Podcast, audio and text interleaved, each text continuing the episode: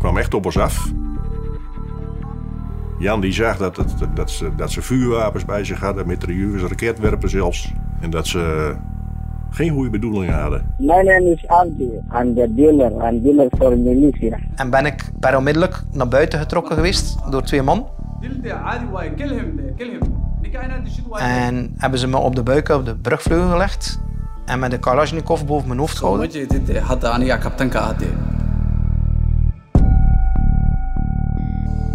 Hallo, mijn naam is Pieter Huibrechts, misdaadreporter bij het Nieuwsblad. En ik ben Cedric Lagast, journalist bij diezelfde krant. En dit is onze podcast De Stemmen van Assise. Deze keer in samenwerking met productiehuis Diplodocus. En dit is de eerste aflevering van een podcastreeks over een van de strafste gerechtelijke onderzoeken die de laatste jaren in ons land gevoerd zijn. De jacht op de piratenkoning.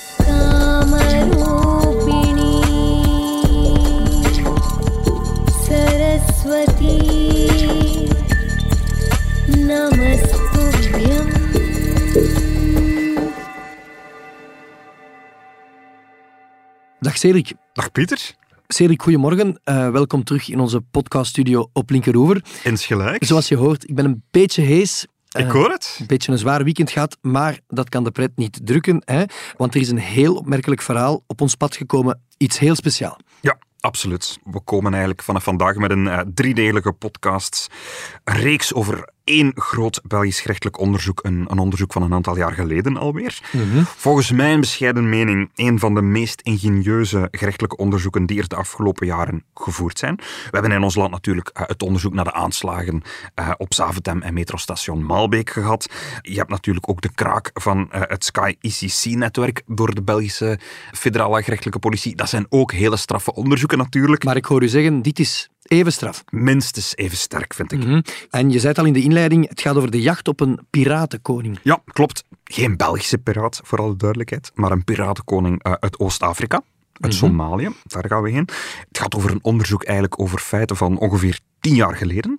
En de piratenkoning in kwestie werd op dat moment eigenlijk wereldwijd gezocht. Het was een man die toen op de internationale Most Wanted lijst stond. Hij werd niet alleen in België gezocht, hij werd op dat moment eigenlijk wereldwijd gezocht. Dat is de lijst van Interpol. Ja, Somalië in de Hoorn van Afrika, dat was op dat moment een, een land eigenlijk zonder noemenswaardige staatsstructuur. Eh, een land eigenlijk waar ja, politiegerecht, dat, dat werkte daar niet. Dus je kon niet zomaar vanuit België naar Somalië bellen en vragen van we zoeken die man, stuur die, arresteer die en, en lever die uit. Dat kon niet. Eigenlijk werd die man eigenlijk op dat moment aanzien als, als iemand die per definitie ongrijpbaar was. Mhm. Somalië ligt 10.000 kilometer van hier. Waarom wilden wij als Belgische politie uitgerekend deze man klissen? Wel, de Belgische interesse had eigenlijk alles te maken met de kaping van een Belgisch schip, de Pompei, in 2009. En dat is eigenlijk het moment waarop dat België in dat internationale piratenverhaal terechtkomt. Hè. Mhm. Trouwe luisteraars, Cedric, weten dat jij fan bent van, van onze archieven, hè, van Mhm. oude verhalen opdiepen en uitwerken. Waarom halen wij uitgerekend vandaag het verhaal van de piratenkoning naar boven? Wel, het is een verhaal dat onze redactie eh, al jaren fascineert, zou, zou ik durven zeggen. We hebben er allemaal al over, vaak over geschreven, jij ook, denk Mhm. ik. Maar deze podcastreeks komt er eigenlijk in samenwerking met het Belgische productiehuis Diplodocus. Dat zijn Leuvenaars. Ja, Eh, zij hebben een, een heel straffe driedelige tv-documentaire gemaakt hierover. De kaping van de Pompei heet de documentaire. En die wordt vanaf dinsdag 30 augustus uitgezonden op Canvas.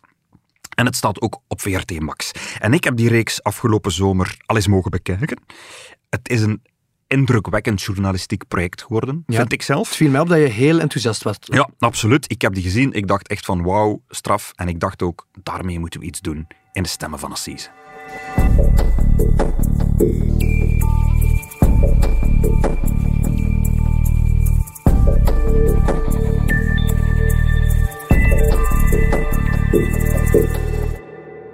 Cedric, één ding moeten we toch eerst uitleggen. Hè? Je spreekt hier van eh, piraten, piraterij. Ja.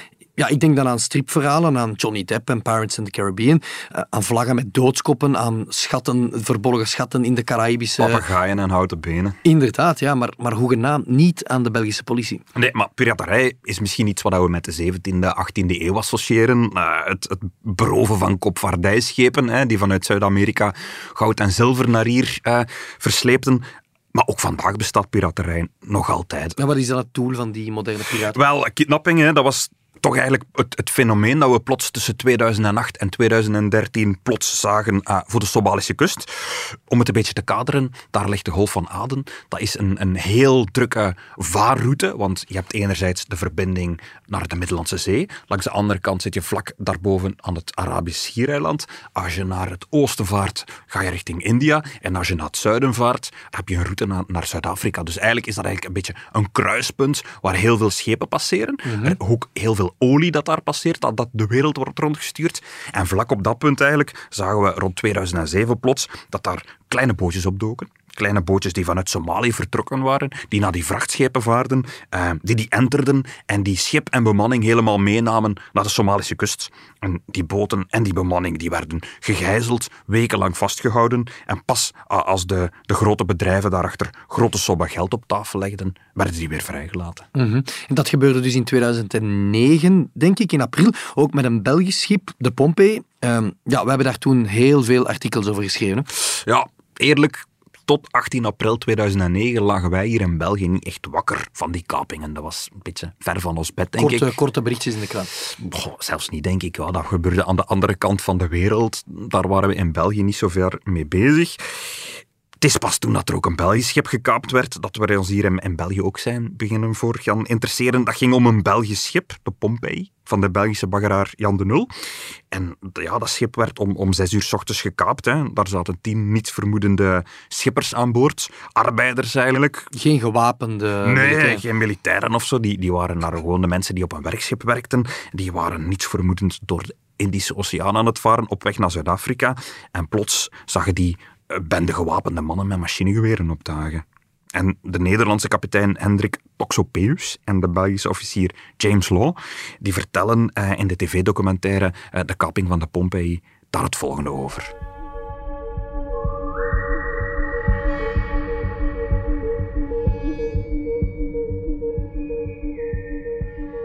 Mijn gewoonte was uh, na een snel ontbijt even uh, bij Jan kijken op de brug. En dan even een bakje koffie doen met Jan. Even de dag doornemen.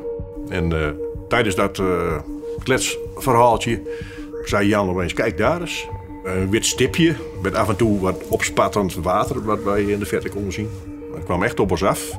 Jan die zag dat, het, dat, ze, dat ze vuurwapens bij zich hadden, mitrailleurs, raketwerpen zelfs. En dat ze geen goede bedoelingen hadden. Je hebt een geheime alarmknop in je, in je, je hut. Die moest je 30 seconden ingedrukt houden. Onderwijl Jan horen roepen van boven, ze zijn er bijna, ze zijn er bijna. Ze komen langs zij.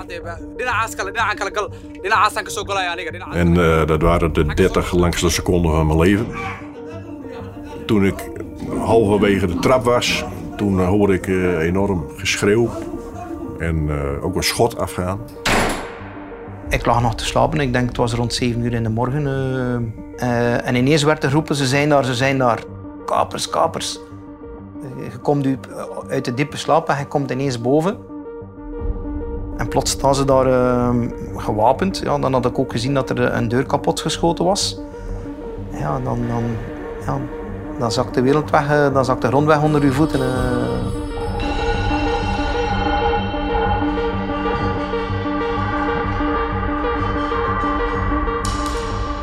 Er werd ons te kennen gegeven dat wij uh, naar de Somalische kust moesten varen. Natuurlijk hadden de meer ervaren kapers, die, hadden wel, die wisten niet uh, dat, dat wij zo'n langzaam schip hadden. Het is een werkschip, niet gebouwde snelheid. Dus die werden steeds ongeduldiger. Dat schoot maar niet op. En of wij wel de goede kant op voeren. En uh, er werd steeds meer uh, geroepen en geschreeuwd. Dat, dat, Weer is Somaliland, weer is Somaliland. Toen werd ik ervan beschuldigd dat, ik de radar had behekst. Dus dat ik uh, een soort uh, heks was die dan uh, het, schip of de besturing betoverde. En ik, ben daar inderdaad ook bijna het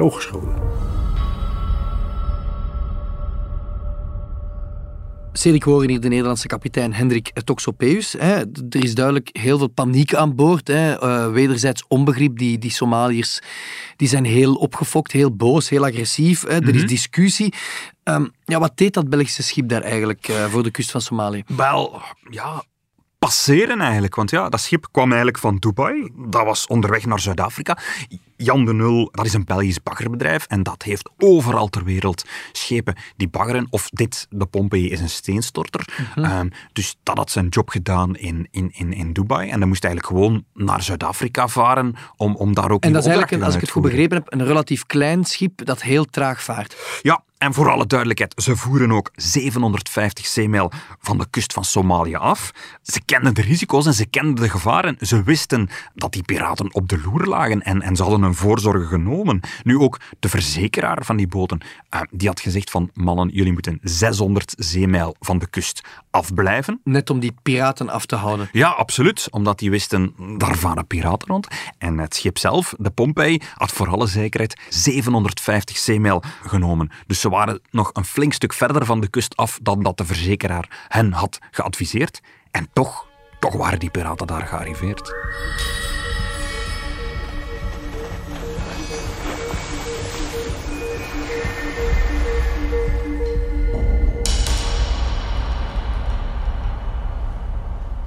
Dus die Somalische piraten die kapen een Belgisch schip. de volgende stap is dat zij losgeld eh, eisen. Ja, nadien is het dan Jan de Nul die wordt aangespoord om die som te betalen. Dat klopt. Ja. Maar natuurlijk, dat lijkt me niet zo eenvoudig, eh, want je zit met een schip dat in Somalië ligt. Je kan daar natuurlijk niet zomaar heen vliegen. Cedric, hoe verlopen die contacten? Hoe, hoe begin je daaraan als Belgisch bedrijf vanuit België? Wel, Jan de Nul is eigenlijk meteen naar de Belgische autoriteiten gestapt. Dat is de ah, politie. de politie, het gerecht, eigenlijk het crisiscentrum van de federale regering, die werden ingelicht. En die uh, uh, hebben een, een soort van taskforce bijeengebracht. Die hebben die hele kaping ook uh, van nabij gevolgd. Maar om te onderhandelen over dat losgeld uh, hebben ze eigenlijk een professionele onderhandelaar nodig. Uh, en die hebben ze gevonden in, in, in Hans Slaman, dat is een Nederlander, een consultant, uh, die bedrijven in dit soort situaties bijstaat. Ik kan me wel goed herinneren, volgens mij was het zaterdag 18 april. Dat ik morgens, ik denk tussen 7 en 8, werd ik gebeld. En toen kreeg ik een zekere meneer Alex Sablon aan de telefoon. En uh, die vertelde mij dat ze een probleem hadden met een schip. We gaan uit van het worst case scenario. Dus we gaan uit van een, van een kaping. En ik ben in de auto gestapt. En zodoende ben ik uh, afgereden naar, uh, naar Aalst, waar het hoofdkantoor van Jan de Nul was. Die Hans Slaman, dat is eigenlijk een ex-politieman die in 1983 nog uh, de gijzeling van de Nederlandse bierbrouwer Freddy Heineken door gangster Willem Holleder, ook een verhaal dat wij goed kennen, Pieter, mm -hmm. uh, tot een goed einde heeft gebracht. Hij heeft die gijzeling ook uh, als, vanuit van bij de politie kunnen oplossen eigenlijk. En kort daarna is hij eigenlijk gestopt bij de politie, is hij als zelfstandige begonnen, als iemand die echt bedrijven specifiek in dit soort situaties helpt. Hij is een beetje, zeg maar, de autoriteit in de Benelux. Ja, als vandaag bedrijven met gijzelingen geconfronteerd worden, uh, dan komen ze heel vaak bij Hans Slaman terecht. Nu, meestal gaat het om digitale gijzeling. Uh, je hele computersysteem wordt geblokkeerd plots uh, en, en, je moet geld op tafel leggen om dat weer vrij te krijgen. Echt fysiek gijzelen van iemand, dat is natuurlijk iets dat niet zo heel vaak gebeurt. Maar zo'n onderhandelaars over uh, echte fysieke ontvoeringen, die bestaan echt. Hè. Hans Slaman is daar niet de enige in. Ik heb ooit met de Deense fotograaf Daniel Rai gesproken. Die is ooit 13 maanden lang gegijzeld geweest door ISIS in Syrië, toen hij daar als fotograaf aan de slag was. Uh, en ook bij zijn bevrijding kwam een onderhandelaar uh, aan te pas. Hè. Zonder zo iemand lukt zo'n operatie niet. En hoe legt zo iemand als Hans Slaman dan contacten met die mannen? Wel, het is eigenlijk omgekeerd. Hè. Het zijn de, de kidnappers die contact opnemen met Jan de Nul, want zij zitten op die boot en zij kunnen via de boordradio gewoon contact opnemen met het hoofdkwartier. En zij uh, bellen dan naar Jan de Nul uh, hier in België en, en leggen hun eisen op tafel. En dat is losgeld. Ze willen gewoon losgeld. En Daarop volgen dan onderhandelingen. En wat dat vooral opvalt, is als je de documentaire bekijkt, is dat die onderhandelingen heel traag verlopen. Die bedragen die lagen heel ver uiteen. En wat we nu gaan horen, zijn de letterlijke opnames van de gesprekken tussen Hans Slaman en een van de piraten. Hallo? Hello. Who am I speaking yes, to? What's your name? My name is Abdi. I'm the dealer. I'm dealer for militia. You are the dealer for the militia. Yes, I'm a dealer. And what's your name? My name is Hans. Please, can you tell me how it goes with our crew and ship? The crew were very, very uh, frightened. They were afraid.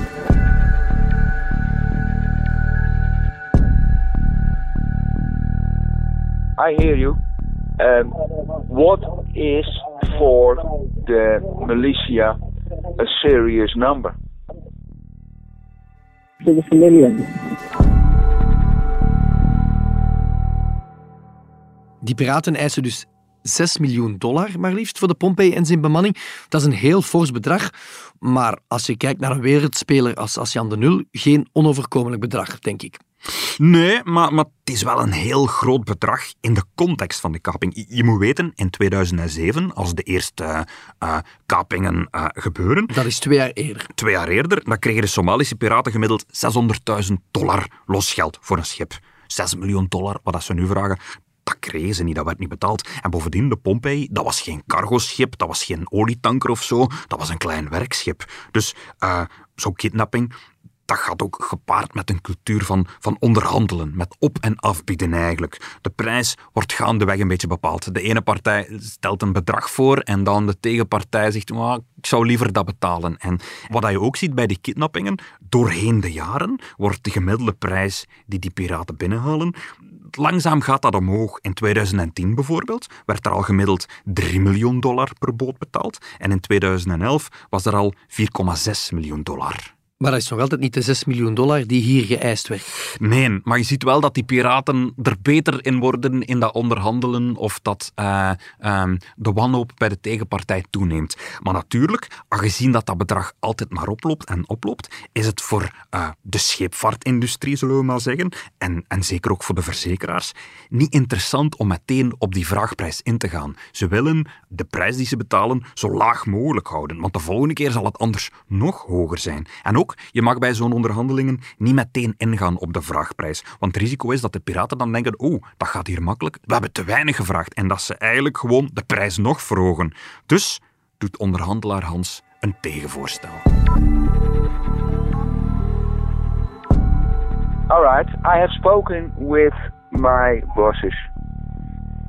Uh, finally, they came met a new number. And the new number is 625. It's incredibly still. You are incredibly still. Sorry? Abdi? Listen to me. Listen to me. I listen to you. listen to me. please Listen. If they if they do something bad, I'm not responsible. Your responsibility for crew if there is happened something bad. I think your uh, militia has made an, uh, a mistake. It's a small Belgian firm. Uh, it's an old ship. Um, and 6 million, 5 million, 3 million, it's out of the question. Uh, so tomorrow, 10 a.m. your time, we contact each other again. And then you will tell me the new number of the militia. Dus 6 miljoen dollar of 625.000 dollar, die bedragen liggen enorm uiteen. En het duurt dan ook heel lang voor er een vergelijk wordt gevonden. Hè, voordat ze eh, tot een bedrag komen waar ze allebei zich in kunnen vinden. En ondertussen zitten er wel tien mensen wanhopig vast op een boot. Ja, en, en de tv-documentaire die laat heel eerlijk de frustratie zien hè, dat bij die, eh, bij die bemanning groeit. Eh, ze begrijpen eigenlijk niet waarom dat een werkgever niet gewoon dat geld op tafel legt. Ze weten dat een, een, een werkgever dat Jan de Nul heel veel winst heeft gemaakt, dat dat ook een miljoenspeler is, dat eigenlijk 6 miljoen euro... Dat dat eigenlijk een peulschil is. Ja, dat hij dat makkelijk zou kunnen betalen. En, en, en de situatie waarin zij worden vastgehouden op zo'n schip vol gewapende mannen, dat was eigenlijk mensonterend. Een van hen, James Lloyd Blankenbergen, die heeft daar in 2012 nog een heel aangrijpend boek over geschreven. Er zat heel veel volk aan boord. Ik denk tussen de 12 en de 15 die er constant aan boord zaten. Ze sliepen op de brug en, en, en van achter. Als je dan niet gewoon bent van, van een, een, geweer te worden afgehaald en, en je wordt er dan bijna dagelijks geconfronteerd, zei je, oh ja, je bent altijd achterdochtig en oké dat het een schot in de lucht is, je je bent bang. En ik had eh, mijn uurwerk eh, nog aan. En op een gegeven moment, uh, Nouri de Rat, moet zeggen, die had altijd maar het horloge in doog. En, en uiteindelijk heb ik heel, ja, heel een domme move gedaan, moet zeggen, een domme zet gedaan. Ik wilde mijn muurwerk afdoen en ik wilde hem overboord smijten. En op dat moment is er in feite een hele tumult ontstaan onder de kapers. En ben ik uh, per onmiddellijk naar buiten getrokken geweest door twee man.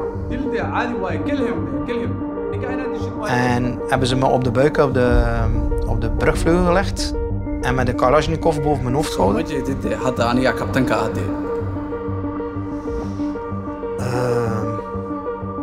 Er is ook niemand dat geprotesteerd heeft, dus ik, lag daar buiten op de, op de, de brugvleugel. Ik denk dat die situatie ongeveer een uh, twee, drietal minuten geduurd heeft. Totdat Nori gezegd had van oké, okay, je moet rustig zijn, we gaan nu niks doen, hey, zijn maar rustig, maar je moet niks verkeerd mee doen. Je blijft dus dagenlang, wekenlang zelfs met een extreem gespannen situatie aan boord zitten. Hè. Dat blijkt hier duidelijk uit die, uit die audiofragmenten. Kalashnikovs bedreigingen. Ja, ik kan me voorstellen dat ook aan de andere kant van de wereld, hè, langs Belgische zijde hier, die frustratie, die onzekerheid toeneemt. Was er nog een alternatief dan onder andere? Wel, en dat was eigenlijk nieuw voor mij. Uit die documentaire blijkt ook dat er door België eigenlijk stiekem een plan is gesmeed om het schip te bestormen. Dat is altijd geheim gehouden, maar de Belgische staat heeft in 2009 een team van militairen en politiemensen getraind hier in België ergens in een loods waar heel dat schip was nagebouwd. En die moesten dus oefenen hoe zo'n bestorming zou kunnen gebeuren. En vervolgens is heel dat team stiekem naar Djibouti gestuurd. Dat is een buurland van Somalië.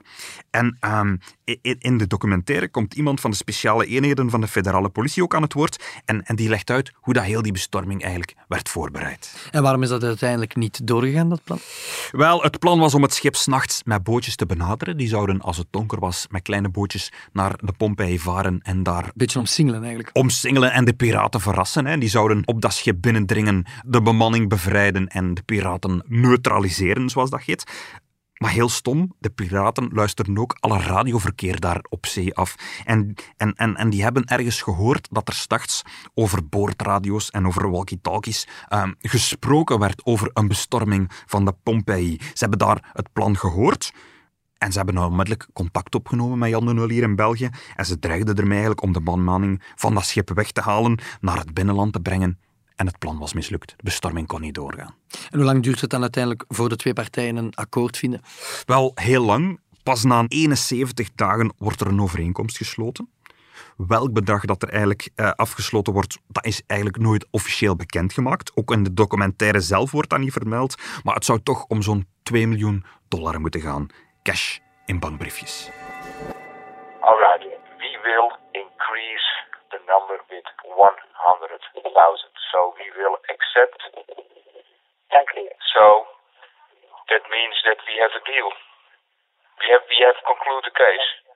Yes, thank you. Thank you, my friend. All right.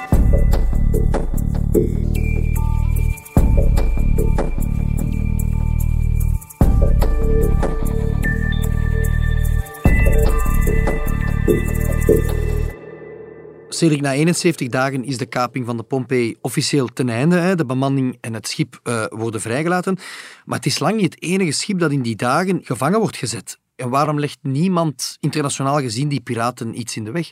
Ja, om, omdat Somalië, zeker in die dagen, eigenlijk gewoon een land was zonder veel, uh, ja, zonder veel staatsstructuur. Er was niet echt iemand de baas die, dat kon, die die piraten ook zijn, zijn wil kon opleggen. Eigenlijk. Ze hadden eigenlijk vrij spel, zowel ter land als ter zee. Ja, die president heeft er eigenlijk weinig autoriteit. Het zijn eigenlijk klanleiders vooral die daar het, het land een beetje onder hen hebben opgedeeld en het voor het zeggen hebben. En die piraten, dat waren eigenlijk vroeger arme vissers, die plots voor hun zee allemaal grote boten zagen opdagen en die ook um, wel met het probleem zaten dat daar grote schepen alle vis uit, uit, uit de zee kwamen opvissen en waardoor er voor hen bijna niks overbleef. En op een dag hebben die ontdekt dat er eigenlijk veel meer geld kon verdiend worden door westerse matrozen te gijzelen in plaats van die paar vissen nog te vangen. En, en de Somalische regering die had daar eigenlijk niks aan te zeggen. Hè. En, en, en dat werd eigenlijk al gauw een, een groot internationaal probleem. Weten we eigenlijk hoe groot dat probleem was? Bah, er zouden in de jaren ongeveer 108 schepen gekaapt zijn. En in totaal zou er 400 miljoen dollar aan losgeld uitbetaald zijn aan, aan die verschillende piratenklans. Dat, dat werd een enorm probleem. En over een van die kapingen is zelfs een Hollywoodfilm gemaakt. Captain Phillips met Tom Hanks. This is Mask, Alabama. We are an unarmed freighter. We have two skiffs approaching with armed intruders. Potential piracy situation. Copy, Alabama. You should alert your crew and get your fire hoses ready. Uh, yeah, i- is that it? Chances are it's just fishermen. They're not here to fish. Intussen zijn we negen jaar verder. Is, piraterij nog altijd zo'n probleem? Wel, nee. Eigenlijk na 2013 is het aantal kapingen enorm gedaald. Ik denk dat de allerlaatste kaping van 2017 dateert. En eigenlijk is dat omdat de internationale wereld eh, besloten heeft om dat samen aan te pakken. Hè. We hebben eh, Operatie Atalanta gehad. Dat was eigenlijk een operatie waarbij dat de legers van verschillende landen samenwerkten en werden neergezet om daar te patrouilleren. Daarbij werden bewapende schepen neergezet. Eh, ook, ook drie Belgische fregatten hebben daar ooit gepatrouilleerd. Hè. Er werden wapens ingezet, maar bijvoorbeeld ook geluidskanonnen. En heel speciaal, daarbij werd vaak de muziek van Britney Spears gedraaid. Dus wacht, om, om die, die piraten te verjagen was onze belangrijkste internationale troef Britney Spears. Wel, die wapens zullen ook wel een rol hebben gespeeld, Pieter.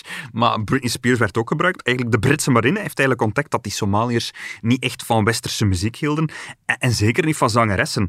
En dus speelden ze die muziek heel luid als ze de bootjes zagen. En Britney Spears, ja, dat werkte het beste, zeggen de Britten. Dus voilà, het was uh, Oops, I Did It Again. Oh,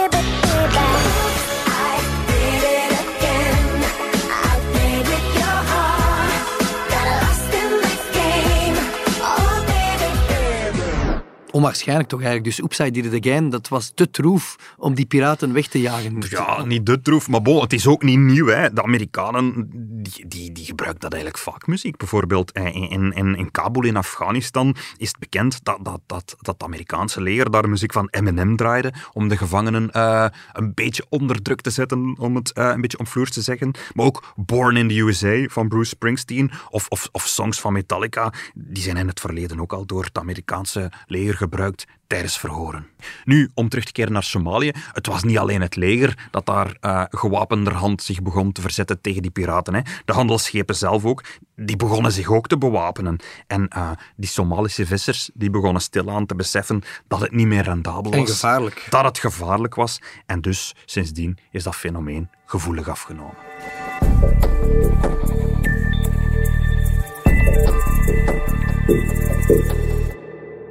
Cedric, terug naar 2009, de afwikkeling van, van, van die kaping.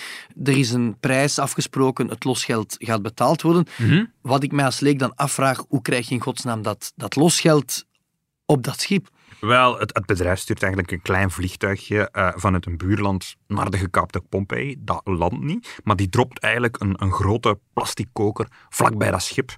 Je ziet dat ook in de documentaire. Dat ziet eruit als een, een oranje torpedo. Die wordt vlak naast dat schip gedropt. Die varen vanuit de Pompeii met een klein bootje naar die plek en die halen die koker op. En daarin zit dat geld, hè. allemaal bankbriefjes. En dat is ook het moment waarop dat de piratenleider zelf aan boord komt. Want er is natuurlijk een leider, die piraten hebben een leider. Die is gedurende heel die gijzeling niet aan boord geweest. Die heeft zich daar niet mee gemoeid. Het is pas als het geld er is dat hij ook aan boord komt, want hij moet toezien op de verdeling van de centen. Er kwam een uh, hele opvallende man aan boord. In uh, westerse kleding. Net als uh, Abdi meestal aan had. Maar veel netter. Nieuw. Bijna gestreken zou ik zeggen. Meneer Afwijnen. Hij was de general of generals. De boss of all bosses. Uiterst fascinerend natuurlijk. De general of generals, de boss of all bosses. Mm -hmm. Wie is die piratenkoning? Wel, zijn naam is Mohammed Abdi Hassan. En zijn bijnaam, eigenlijk de naam waarbij dat hij het meest bekend is, is Afwijnen. Dat betekent eigenlijk zoveel als, als grote mond. Die hebben allemaal een bijnaam. Zijn naam is, is, is, is de grote mond. Hij is eigenlijk de leider van de Hobyo Haraderi-clan. Uh, een lokale stam daar in Somalië. Aanvankelijk was dat een visser. Het is te zeggen, hij had een aantal schepen waarmee, eh, waarop hij personeel had, eh, waarmee hij op, op vis en op, op, op, op, kreeftenvangst ging. Eh, maar in, in, in 2007, als, als de piraterij opkomt, ziet hij ook dat piraterij veel lucratiever is en hij, hij, hij schoolt zijn personeel om tot piraten. Mhm. En hoe kunnen we hier als Belgen zo stellig concluderen dat net hij achter die kaping zit? Goh, wel, in 2009 was hij eigenlijk al bekend hè, bij de internationale gemeenschap. Was geweten dat hij eh, een van de grote piratenleiders in Somalië was. Er bestonden ook foto's aan hem, van hem en video's. eh, en na de gijzeling hebben ze die foto's voorgelegd aan, aan, aan de bemanning. En die hebben hem inderdaad herkend als eh, de goed geklede man die op het einde van de gijzeling op het schip toekwam om, om het geld te verdelen. De General der Voilà, hij is erkend en ook tenslotte zijn DNA is eigenlijk gevonden aan boord van die boot. En hij is dan die man op wie het Belgische gerecht de jacht zal openen. Ja, dat klopt. Het gerecht zal eigenlijk jarenlang op hem jagen. Eigenlijk de hele wereld eh, wilde hem klessen. Hè. De hele wereld wilde hem ter verantwoording roepen voor die vele kapingen.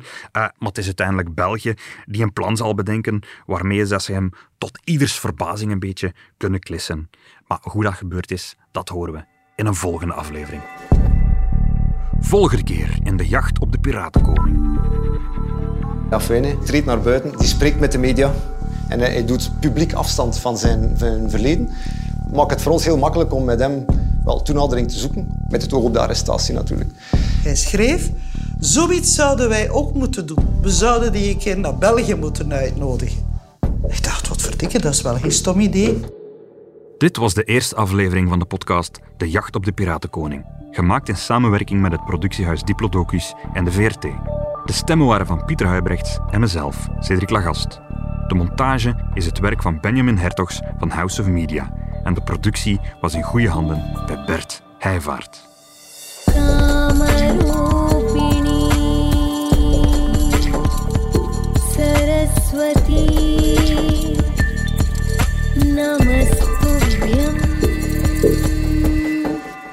Wie de documentaire De Kaping van de Pompey wil bekijken, dat kan elke dinsdag in de eerste drie weken van september op Canvas of op VRT Max.